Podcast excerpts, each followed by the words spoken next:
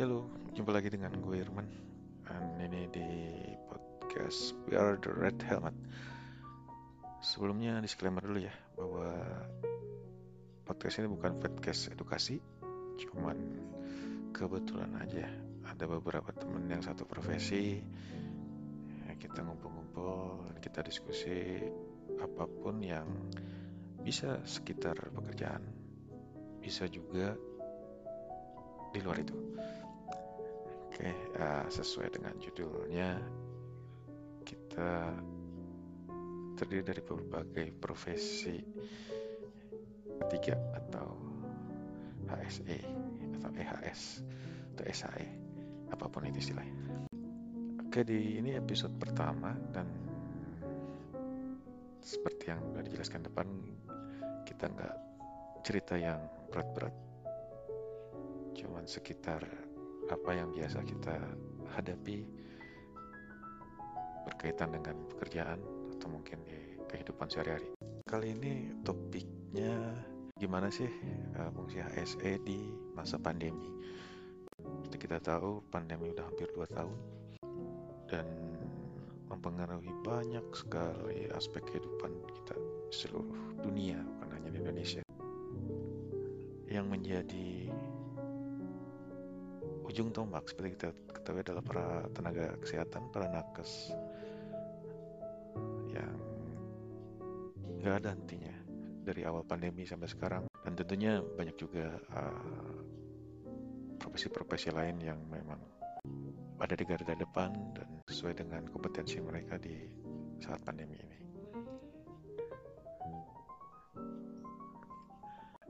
Nah kita mau cerita tentang salah satu profesi yang uh, yang gue rasa agak agak tidak terekspos ya.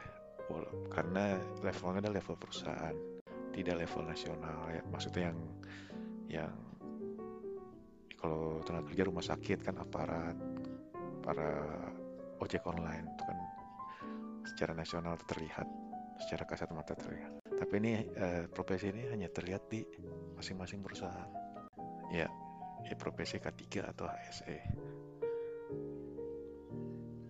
Gue yakin di sebagian besar perusahaan di Indonesia pada saat pandemi ini mereka bergantung kepada dua dua dua departemen yaitu HR atau personalia terkait dengan jadwal kerja terkait dengan pengurusan asuransi dan lain-lain.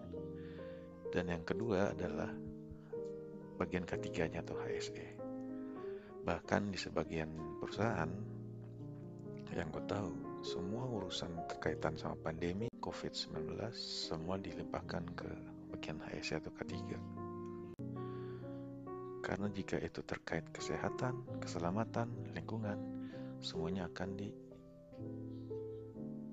dilarikan ke orang ketiga termasuk saat pandemi ini. Jadi nggak heran. Belakangan ketika jumlah uh, confirm case COVID-19 di Indonesia itu melonjak muncul kepanikan bahkan uh, circle dari orang yang terpapar itu semakin mendekat. Bahkan karyawan atau keluarga langsungnya sudah uh, ada yang terpapar sementara uh, obat obat susah rumah sakit uh, penuh. Dan mereka bergantung ke saat sebagian besar ke, ke orang ketiga. Jadi challenge-nya double untuk orang ketiga kalau misalkan orang kita secara umum gitu kalau kita lihat lihat apa anjuran jangan terlalu stres jangan terlalu melihat uh, berita update yang buruk-buruk. Karena ini akan membuat kalau kita banyak pikiran, kita stres, imun kita turun, dan seterusnya. Sementara orang ketiga justru harus update. Harus baca setiap hari, setiap saat bagaimana statistik itu naik. Apa yang terjadi di di masyarakat, di sekitar, di mana rumah sakit yang bisa uh, masih menerima, di mana kita harus membeli oksigen misalkan atau obat-obatan untuk diinformasikan kepada karyawan jadi orang ketiga menjadi sumber informasi bagi karyawan di perusahaan masing-masing.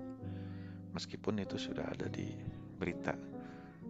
Bahkan di bagian perusahaan, kebijakan-kebijakan itu muncul dari rekomendasi orang ketiga.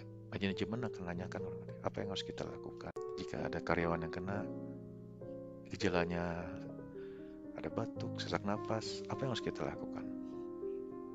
Ya tentunya yang paling masuk akal adalah ke dokter. Ternyata dokter tidak segampang itu sekarang untuk kita cari. Karena jika ada positif, biasanya mereka nggak nggak nggak langsung terima, harus dilarikan ke IGD dulu untuk observasi. Nah, orang ketiga harus update hal-hal seperti itu. Atau tengah malam jam 11 jam 12 malam ditelepon ada salah satu karyawan yang kondisinya memburuk tidak punya akses ke rumah sakit tidak ada ambulan apa yang harus dilakukan meskipun secara legal itu bukan tanggung jawab orang ketiga untuk evakuasi melakukan pertolongan tapi sudah menjadi kebiasaan atau pandangan umum bahwa jika ada isu ketiga, maka orang ketiga lah yang harus memberikan solusi atau memberikan bantuan. Nah, di sini orang ketiga harus menjadi menjadi jembatan. Untuk keputusan-keputusan dia harus meyakinkan manajemen. Jika misalkan harus uh, ada biaya-biaya yang muncul, dia harus konfirmasi ke manajemen, mendapat approval, persetujuan, baru dia bisa melakukan tindakan. Nah, jadi bisa dibilang double lah tanggung jawab orang ketiga di masa-masa ini dibandingkan masa-masa sebelumnya. Karena kita orang ketiga harus berfungsi sebagai penasihat, advisor kita juga sebagai orang yang mengeksekusi semua tindakan-tindakan memastikan orang kita harus tahu semua kondisi karyawan, siapa yang sakit, bagaimana kondisinya, mengupdate ke manajemen, dan manajemen akan bertanya seolah-olah orang ketiga itulah yang merawat orang-orang ini. Bagaimana kondisinya, apakah sudah dapat obat atau belum. Tentunya kalau di perusahaan-perusahaan besar yang ada dokter perusahaan itu uh, jauh lebih membantu. Tapi bagi perusahaan-perusahaan yang tidak memiliki dokter perusahaan, mengandalkan asuransi semua harus bisa disupport oleh orang ketiganya jadi episode ini merupakan tribut atau ya penghargaan lah kepada orang-orang ketiga yang saat ini juga selain harus menjaga atau memastikan kondisi kesehatan keluarganya masing-masing diri sendiri tapi juga harus memastikan protokol kesehatan kondisi kesehatan karyawan di perusahaannya juga termonitor dan memberikan bantuan kepada mereka. Ini juga merupakan salah satu tugas yang mulia di saat-saat pandemi. Oke, makasih. Kita akan sambung lagi di episode selanjutnya.